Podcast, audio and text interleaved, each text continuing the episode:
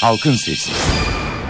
NTV Radyo İstanbul stüdyolarında halkın sesiyle bir kez daha sizlerle birlikteyiz efendim. Evet arama ve kurtarma çalışmaları sırasında neler yapmak gerekiyor? Arama ve kurtarma yapan kişiler nasıl hareket edecek? Buna karşın arama ve kurtarma için bekleyen kişiler ne yapacak? Bugün bunu konuşacağız. E, yurtta ciddi olumsuz etkiler var. E, biliyorsunuz son e, günlerde ciddi deniz kazaları yaşandı. Burada da bir takım e, ihmallerin veya e, prosedür dışında işlerin yapıldığı söyleniyor. E, doğuda ciddi kar e, tehlikesi var. E, dilemiyoruz ama onunla ilgili bir e, olayla da karşı karşıya kalabiliriz. Mesele aslında arama ve kurtarma çalışmaları tüm geneline baktığımızda ve yine söylediğim gibi arama ve kurtarma konusunda bekleyen kişilerin uygulaması gereken prosedürler. Bunları konuşacağız bugün ve Bahçeşehir Üniversitesi Arama Kurtarma Birimi Direktörü Oğulcan Sözen'le birlikte olacağız. Sayın Sözen iyi günler efendim. Sayın Sözen beni duyabiliyor musunuz? Sayın Sözen hatta değil. Hattan e, maalesef kopmuş. Biz de Sayın Sözen'i arıyoruz. Çok güzel. Evet. E, arkadaşları bağlantı kurana kadar izin isteyeyim sizden. Görüşleriniz ve sorularınız için NTV Radyo Halkın Sesi telefon numarası 0212 335 4720. Elektronik posta adresimiz ise halkinsesi@ntv.com.tr. Halkın Sesi. Evet. E, Sayın e, Oğulcan Sözen'le birlikteyiz. Sayın Sözen iyi günler efendim. Merhabalar, ee, iyi akşamlar diliyorum. İyi akşamlar efendim. Çok teşekkür ederim bize vakit ayırdığınız için öncelikle. Efendim e, her türlü arama ve kurtarma çalışması sırasında e, uygulanan sanıyorum bir prosedür var. Bu prosedür- prosedür sırasında arama ve kurtarmayı yapanların ayrı, arama ve kurtarma için bekleyenlerin de ayrı şeyler yapması gerekiyor galiba. Bunlarla başlayalım Kesinlikle. isterseniz. Evet, şimdi e, bizim tabii ki ekiplerimizin e, arama ve kurtarma faaliyetleri esnasında e, yapacağı çalışmalarla ilgili belirli prosedürler tabii ki var. Bunların e, en önemli olanları öncelikle ekip personellerimizin e, güvenliğiyle alakalı olanlar. Yani öncelikle bizim personellerimiz kendi güvenliğini ön planda tutarak e, çalışmalarını yürütürler. Hı hı. Bu olayın nerede olduğuna, nasıl olduğuna bağlı olarak farklı ekipmanlar kullanırlar ve buna göre araçlarını, ekiplerini seçerek e, görev yerine intikal eder ve çalışmalarını yürütürler. E, burada da tabii ki yine çevreden alınacak istihbaratın yani olayın nasıl olduğu ile ilgili e, örneğin bir enkazda çalışıyorsanız e, yakınlardan kimse varsa nerelerde olabileceği ile ilgili önce istihbarat çalışmaları yapılır. E, ardından da tabii özellikle enkaz için konuşuyorum. E, arama çalışmalarına geçilir ve tespit edildikten sonra da e, çeşitli tekniklerle güvenli bir şekilde kurtarma çalışması yapılır. Peki. E, bizim özellikle enkaz gibi yani afet gibi yerlerde çalışma prensibimiz bu şekilde. Tabii deniz e, kazalarında ya da selde çalışma daha farklıdır. Ekipmanlar, e, ekipler daha farklıdır. E, örneğin bir trafik kazasına müdahale ederken daha farklı çalışırsınız. Yine keza itfaiye yangında çok daha farklı çalışır. Herkesin, her ekibin farklı prosedürleri vardır. E, çalışmaya uygun olarak tabii ki. Peki efendim e, çok şeyden yani deniz için ayrı dediğiniz doğru depremde ayrı trafik kazasında ayrı bunların e, ayrı ayrı eğitimleri mi verilir bir ekibe yoksa bunlar, bu ekipler ayrı ekipler midir? Şimdi şöyle, e, örneğin bizim ekibimiz içerisinde farklı birimler var. Bizim ekibimizin içerisinde bir arama kurtarma birimi var. Kentsel olaylara müdahale eden, doğa olaylarına müdahale edebilecek ve doğa sporcularından oluşan bir e, ekibimiz var. Ayrıca su altı ve su üstü kurtarma yapabilecek dalgıç insanlar var. Dalgıç ekibimiz var.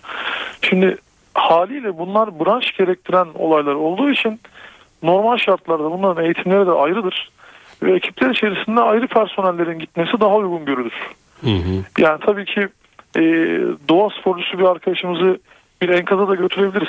Ama özellikle deniz konusunda bu iş biraz daha farklıdır. Hı hı. E, insanların denizci olmasını, e, dalgıç olmasını e, kesinlikle biz kendimiz e, tavsiye ederiz ve öyle insanları seçeriz genelde. Ama tabii kentsel olaylarla doğa kazalarına müdahale eden olaylar e, düzeltiyorum ekip üyeleri genellikle aynı kişilerde olabilir tabii ki. Ama hepsinin eğitimleri birbirinden farklıdır. E, uygulama şekilleri de birbirinden farklıdır.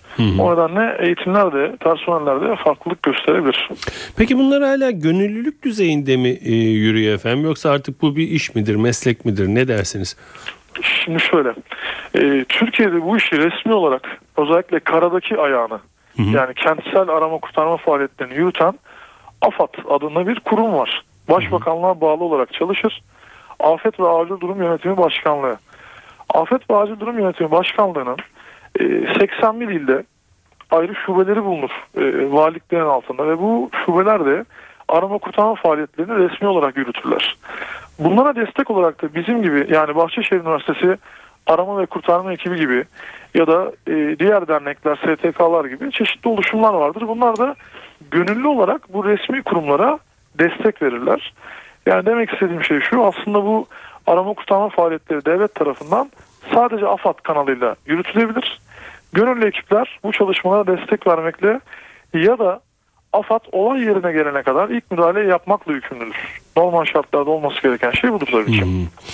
Peki Yani bunun Hı. e, doğruyu söylemek gerekirse tabii ki bir devlet memurluğu ayağında bir meslek ayağı var ama insanları kurtarma konusunda bizim gibi oluşumlar tabii ki bunu parayla yapmadıkları için bu iş tamamen gönüllülük esasına dayanır. Anlıyorum. Peki e, ekipman açısından yine e, söylediğiniz gibi bu e, başbakanlığa bağlı kuruluşun e, e, uktesinde midir bu ekipmanları toplamak yoksa sizin gibi gönüllü kuruluşların da ekipmanları var mıdır? Çünkü e, bir enkazda e, ekipman olmadan yapabilecek çok da bir şey olmasa gerek değil mi? Tabii kesinlikle. Ee, şimdi bizim gibi örneğin biz Bahçeşehir Üniversitesi Arama ve Kurtarma ekibi olarak e, çeşitli hibelerden de e, yararlanıyoruz ama üniversite genellikle bunu kendi sağlıyor. Ama örneğin biz STK'lar hibelerle bağışlarla ancak bu şekilde ayakta durabiliyorlar. Biz yine keza e, çeşitli kurumlardan aldığımız hibelerle ekipmanlarımızı genişletebiliyoruz. Fakat devlet de yani AFAD da bu ekipmanlar tabii ki devlet tarafından sağlanıyor ve ellerinde çok ciddi e, kurtarma ekipmanları, çok modern kurtarma ekipmanları var. Örneğin İstanbul gibi bir ilin tabii ki ihtiyacı çok daha fazla. İstanbul'da e, şu an son teknoloji dünya standartında kurtarma kamyonları var. İçerisinde e, A'dan Z'ye bütün kurtarma ekipmanının olduğu. E, deniz kurtarma ile ilgili yani suda kurtarma yapacak ekiplerin ayrı araçları, ayrı ekipmanları, ayrı e, taşıtları var. Haberleşme ekiplerinin ayrı araçları var. E, onların tabii ki bu imkanları devlet olduğu için çok daha fazla. Keza yine devletin farklı oluşumları da var. Ulusal Medikal Kurtarma Ekibi gibi. Ama tabii gönüllü ekiplerin e, ya da STK'ların tamamen bağış, e, hibe ve yine yardım yoluyla ancak temin etmesi ya da bizim gibi yani Bahçeşehir Üniversitesi gibi bir kurumun kendisi buna bütçe ayırarak bu işin olabileceğini öngörerek bir afetin olabileceğini öngörerek buna bütçe ayırıp bir e, ekipman toplaması tabii ki gerekli. Yoksa bunlar çok pahalı ve çok ciddi ekipmanlar. Evet sanıyorum öyle. Peki efendim e, bir de tabii e, kurtarma ekipleri gelene kadar kurtarılmayı bekleyen kişinin yaptığı ya yapması gereken bir takım şeyler var zannediyorum hayatta kalmasını arttırması açısından. Tabii hiç kimsenin başına gelmesini temenni etmiyoruz ama böyle bir durumla karşılaştığımızda trafik kazasında veya enkazda hadi denizi bir kenara bırakalım. E, ne yapmak gerekiyor? Bununla ilgili de biraz bilgi lütfeder misiniz bize? Tabii ki. E, şimdi öncelikle e, tabii ki aldığımız hiçbir eğitim, e, öğrendiğimiz hiçbir şey bizi o ana yani bahsettiğiniz ana tabii ki hazırlayamaz. Bu çok zor bir şey. Bu psikolojik olarak da gerçekten çok güçlü olmanızı gerektiren bir durum. E, bununla ilgili aslında yapılması gereken şey tavsiye vermenin ötesinde belki de olmalı. İnsanlar e, bu tip durumlara daha hazırlıklı olabilmeliler. Sadece tavsiye almaktan ziyade bu da aslında biraz soğukkanlı olmaktan e, geçiyor. Çünkü e, bir şekilde size yardımın gelebileceğini düşünmek e, ve bir şekilde size birilerinin ulaşabileceğini, size yardım edeceğini, sizi bulunduğunuz yerden, bulunduğunuz durumdan kurtarabileceğini e, düşünmek e, gerekiyor belki de öncelikli olarak. Çünkü hayatta kalma eğitimleri de vardır e, bizim aldığımız hayati idame eğitimleri. Bunların da birinci kuralı e, psikolojik olarak e, konuya inanmaktır. Yani hayatta kalabileceğinize inanmanız e, gerekiyor öncelikli olarak. Bu e, çok ekstrem bir örnek belki ama bir uçak kazasında da olabilir. Enkaz altında da kalmış olabilirsiniz. Bir trafik kazası geçirmiş olabilirsiniz. Örneğin İstanbul'da bir sürü orman yolu var. ve bu yollardan birinde bir trafik kazası geçirirsiniz. Size çok sonra belki yardım edebilirler. Çok sonra fark edebilirler ama önemli olan hayatta kalacağınıza inanıyor olmak ve e, önce beyninizde bu olayı bitirmek ve daha sonra tabii eğer enkaz altındaysanız gücünüzü boş yere aslında tüketmemek. En önemli şeylerden bir tanesi bu. Yani size bir ses gelene kadar, sizi birileri duyacak mesafeye gelene kadar boşu boşuna nefesinizi tüketip bağırmak yerine ses duyduğunuzda onlara ses iletmeye çalışmak belki de en doğrusu. Yani özellikle e, son zamanlarda tabii teknolojinin de gelişmesiyle insanlar cep telefonları ya da iPad'leri kulaklarının yanında hemen kafalarının yanında yatar hale geldiler. Tabii bu tip durumlarda eğer GSM hatları ya da e, internet şebekeleri eğer çökmediyse bu şekilde de tabii ki haber verebiliyorlar. Ben buradayım bana yardım edin şeklinde ama tabii bu özellikle e, yani bizim gibi ülkelerde çok da belki de güvenli bir kaynak olarak düşünülmüyor. O nedenle çok fazla e, birebir belki bir yöntem olarak değerlendirilmiyor ama tabii bu şekilde de insanlar bir şekilde kurtarma ekiplerine, yardım ekiplerine ulaşabiliyorlar. Ama önemli olan şu, eğer mağdur bir durumda kaldıysak ve yardıma ihtiyacımız varsa öncelikle hayatta kalabileceğimize inanıp e, gücümüzü boş yere tüketmeden insanlar bize yardıma geldiği zaman onlara bir şekilde sesimizi ulaştırabilmek belki de e, yapılacak en doğru davranış. Anladım. Keza e, insanlara da yardım ederken özellikle İstanbul gibi bir şehirde trafik kazası çok fazla yaşayabileceğimiz bir ihtimal.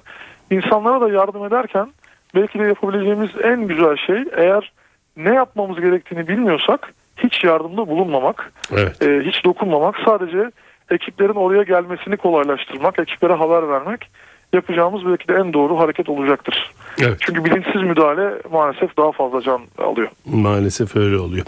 Sayın Sözden çok teşekkür ediyorum bizimle olduğunuz için efendim. Sağ olun. Ben teşekkür ederim. Çok sağ olun. İyi İyi akşamlar, iyi, günler yayınlar efendim. Çok teşekkürler. Bahçeşehir Üniversitesi Arama Kurtarma Birimi Direktörü Sayın Oğulcan Sözen bizimle birlikteydi. Dinleyici görüşlerine geçelim. Bekleyen dinleyicilerimiz var vakit kaybetmeden. Alo. Alo. Buyurun efendim. Ee, programa bağlanacaktık herhalde ama Ee, olmadı. buyurun efendim. Ee, radyonuzun sesini kapatır kapatmaz bağlayacağız sizi. Peki oldu. Kiminle görüşüyoruz efendim? Barış ismim. Buyurun Barış Bey. Ee, yani programla ilgili bir şeyler söylemek yani konuyla ilgili bir şeyler söylemek istiyordum. Bunun Buyurun için ben efendim. aramıştım. Buyurun.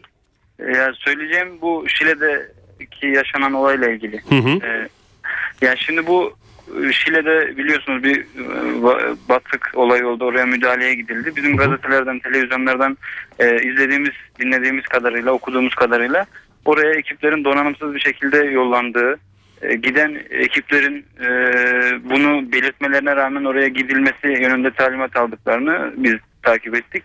Yani konu e, konuğunuz aslında çok değerli bilgiler verdi. Biz de dinledik. E, not etmemiz gereken şeyler de vardı işlerinde de. Şimdi bu konuyla ilgili herhangi bir e, başvurulacak merci kamuoyunda buna yönelik e, bir yani sorulan sorulara alınacak bir yanıt e, bunun bu, tip olaylara nasıl acaba bizim ülkemizde e, yanıtlar, cevaplar, sorunların çözülümüne dair adımlar atılacak, ne yapılacak? Bunları ben aslında hani o konuyla da ilgili bize bir şeyler söyleyebilir mi diye ben soracaktım ama herhalde size yönetmem gerekiyor bu soruları bilmiyorum ya. Ee, o, o sorunun cevaplarını bulmak galiba çok da kolay olmayacak ama mutlaka bunların cevaplarını Çünkü- vermek gerekiyor. Ama en azından e, bu soruları birilerinin sorması gerekiyor. Kesinlikle. Yani konuyla bu yaşanan hadiseyle ilgili çok bağlantılı mı bilemiyorum ama mesela bir, bir iki yıl öncesinde de yine bir gölde e, enerji Evet, elektrik evet, kurumunun evet. görevlileri Hı hı, hı. batarak, boğularak, donarak öldüler.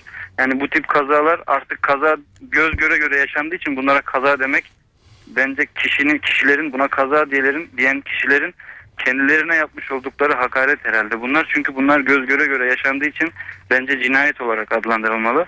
Ve birilerinin de bu soruları sorması gerekiyor. Sizler de işte halkın sesi dediğiniz için en azından halktan duyul, duyul- duyulması gerekiyor herhalde. Biz böyle bakıyoruz bu olaylara. Bizim çalıştığımız iş yerlerimizde yaşanan bu tip olaylar da kaza değil. Biz cinayet olduğunu düşünüyoruz. Önlem alınmadan, iş güvenlikleri sağlanmadan çalıştırılan, asgari ücretle çalıştırılan insanlar. Hani yine az önce ko- konuğunuz söyledi. e, devlet destekli vesaire denildi ama bilmiyoruz de, devlet nasıl buraları çalıştırabiliyor, nasıl devam ettirebiliyor. Çünkü insanların hayatları bu kadar ucuz olmamalı. Peki. Böyle benim düşüncelerim böyle bunlar. Peki Barış Bey çok teşekkür ederim. Alo. Efendim iyi akşamlar. İyi akşamlar buyurun. Adana'dan Ayhan. Buyurun Ayhan Bey. Şimdi efendim e, birçok kez forumuna forumumuza katıldım. Birçok konuda görüşümüzü bildirdik ama tam da işte benim uzmanlık alanım bu. 2 dakikaya veya bir istisna olursa 2-3 dakikaya sığdırmaya çalışıyorum. Buyurun. Ve makine inşa ve gemi denetimi yapıyoruz. Tam Hı da şimdi bir gemiden dönüyoruz. Arabayı sağa aldık. İskenderun'da bir gemiyi denetledik. Hı hı. Şimdi çok kısa e, özellikle gemide çalışan personeller uluslararası sisteme göre ASN deniyor. Yani Emniyetli Yönetim Sistemi. Hı hı. Bu şekilde bunlar STC ve bu denizde sağ kalma ve buna benzer olaylara müdahale şeklinde sertifikalar olur. Ve bu sertifikalar güncel olur. Bizde iki sıkıntı var. Önce bu eğitimi veren ve bu sertifikaları veren kurumların yetersizliği. İkincisi özellikle bizim Türkiye'de mesela uluslararası çalışan gemilerde özellikle ASM dediğimiz bu emniyetli yönetim sistemi mecburi iş kabotajda çalışan gemilerde mecburi değil. Bu büyük bir sıkıntı yaratıyor. Sanki yani ne bileyim iş kabotajda yakın sefer demek. Denizde efendim e, yarım saatlik seyir de e, 30 günlük seyir de bir. Yani ben de denizlerde uzak yol baş Hmm. menzi olarak da 18 sene çalıştım. Yani bu aradaki şeyi kaldırmak gerekiyor. Kısa olarak da özellikle ekipmanla ilgili şunu söylemek istiyorum. Biz 20 sene önce de yine Kefken açıklarında Topkapı adında bir dökmeci gemi batmıştı. İnan ki SOS verdi ve bu Türkiye tarafından duyulmadı. Ee, yine Yunanistan, Bulgaristan üzerinden duyulup ancak bize haber verildi. Niye Şimdi Türkiye olarak- üzerinden, Bayan Bey niye Türkiye üzerinden duyulmuyor? Sistemler de mi? Muhtemelen yani bir, bir takım iyileştirmeler oldu. Yani şimdi sürekli mevcut olan sistemi eleştirmek hoş bir şey değil.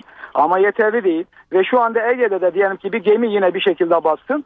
Türkiye'den önce Türkiye daha çok yakın olsun. Yunanistan daha erken müdahale eder. Antalya Körfezi'nde yine bir gemi SOS versin. Yani yardım istesin. Yine biz müdahale edemeyiz. Nedir burada eksiklik efendim? Bizim bu kurtarma çalışmalarını yapacak donanımlarımız. Mesela bir helikopter tabii buna uygun. Artı deniz açık deniz romorkörleri. Yani 8-12 havada bana mısın demez. Yani Hmm. 8 havadan kastımız dinleyicilerimize çok kısa bir bilgi. Yani rüzgar ve deniz Rüzgar yani şeyi, dalga boyları. dalga boyları, Tabii. evet. Yani buna danayetli olması lazım. Son olayda da efendim yine aynı şekilde Şile'de oraya giden botun yani kurtarma botu bu da yetersiz. Yani bu bu gibi olaylara bizdeki bu ekipmanın yani işte buna müdahale edecek diyelim ki deniz romorkörünün veya işte kurtarma botlarının güçlü olması gerekiyor. Ve size söyleyeyim görüyoruz biz yurt dışında bunu ben yani yıllarca çalıştık. 10 havada çıkıyor yani pilotu alabiliyor gemiden veya bir kurtarma yapabiliyor. Bizdeki bu ekipmanlar yetersiz efendim. Yani bu anlamda işte büyüyoruz, ediyoruz anlamında işte bir takım söylemler doğru değil. Son bir şey söyleyeyim her zaman varsa. Hı hı. Giyimle ilgili mesela bu kurtarmaya giden personelin özellikle denizde işte bu gibi sadece kurtarma değil acil durumlarda giyilen giysiler var. Immersion suit diyoruz efendim. Hı hı, Deniz hı hı, suyu hı. sıcaklığı isterse eksi olsun hiçbir şey olmaz. Artı onu da üstüne can yeleğini giyer. Kalsın denizde isterse 24 saat 48 saat. Bir şey olmaz. Biz bir görüyoruz bunlardan hepsinden bir haber. Yani şu anda da bir, bizdeki mevcut olan kurtarma sistemlerin büyük bir kısmı bu şekilde maalesef. Yani bu anlamda ciddi bir çalışma yapılması gerekiyor. Son yıllarda bir takım yani girişimler var.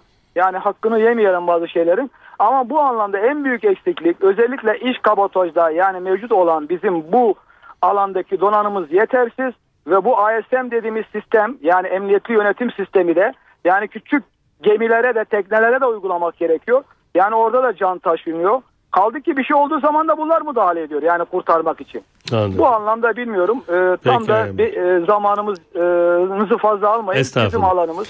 Teşekkür Umarım ederim. kazasız e, belasız seyirler diliyorum denizci kardeşlerimize. Peki çok teşekkürler efendim. Alo. Efendim. Buyurun efendim. Alo. Ha, iyi, akş- iyi İyi akşamlar. akşamlar. Buyurun. Ee, ben e, Mustafa Yılmaz. Adana'dan arıyorum. Buyurun Mustafa Bey. Şimdi efendim e, az önceki konuşmalar, e, konuşmacılardan adı- anladığım kadarıyla e, Türkiye'mizde büyük bir e, alet, edevat, istihdam eksikliğimiz var. Şimdi şöyle söyleyeyim. Başbakanlığa veya Sağlık Bakanlığı'na bağlı bir kuruluş kurmak lazım. Hı hı. Bu kuruluş e, e, liman olan kentlerde e, acil kurtarma e, ekibi olarak deniz e, gemicilikle ilgili kurtarmaları yapsın. E, dağcılık olan yerlerde e, işte e, Kayseri'de olsun, e, diğer e, dağ sporunun yapıldığı yerlerde olsun. Onunla ilgili uzmanlaşmış kişileri istihba, istihdam etmek lazım. Dolayısıyla tüm Türkiye'de illerde e, bu personellere istihdam etmek lazım. Bir trafik kazası oluyor, itfaiye ekibi geliyor. Bir yangın oluyor, itfaiye ekibi. Tabii ki yangına itfaiye ekibi gidecek ama e, bir trafik kazasına veya kuyudan e, kuyuya düşmüş bir kişiyi çıkarırken itfaiyecilerin yani uzmanlık alanı değil bu. Anladım. E, demek istediğim bu işleri bilinçli yapmak lazım. Oturup ne yapabiliriz diye devletin e, bunu düşünerek bir e, çalışma yapması gerekiyor. E, yani bir, bu konuya bir an evvel el atmak gerekiyor. Biz Şile'deki olayda üzüldük. Yazık Peki. yani o fırtınada e, denizden hiçbir yardımın e, yapılamayacağını bütün vatandaşlar biliyor. E, bildiği halde bu yapıldı. Yani üzüldük hepimiz. E, dolayısıyla ben e, kısa söyleyeyim istihdam. Yani devletin bu konuya ciddi bir şekilde el atıp e, tüm Türkiye'de illerde e, bir e, kuruluş e, yaparak kubeler bölge müdürlükleri açarak konuya el atması gerekiyor efendim. Peki efendim çok teşekkür ederim. Ee, Halkın Sesi programının da sonuna gelmiş olduk. Evet doğanın dengesi yerinde oldukça ırmaklar yolunda aktıkça yarın Halkın Sesi'nde yine sizinle birlikte olmayı diliyoruz yapımda ve yayında emeği geçen tüm NTV Radyo ekibi adına. Ben Sedat Küçükay. Saygılar sunarım efendim.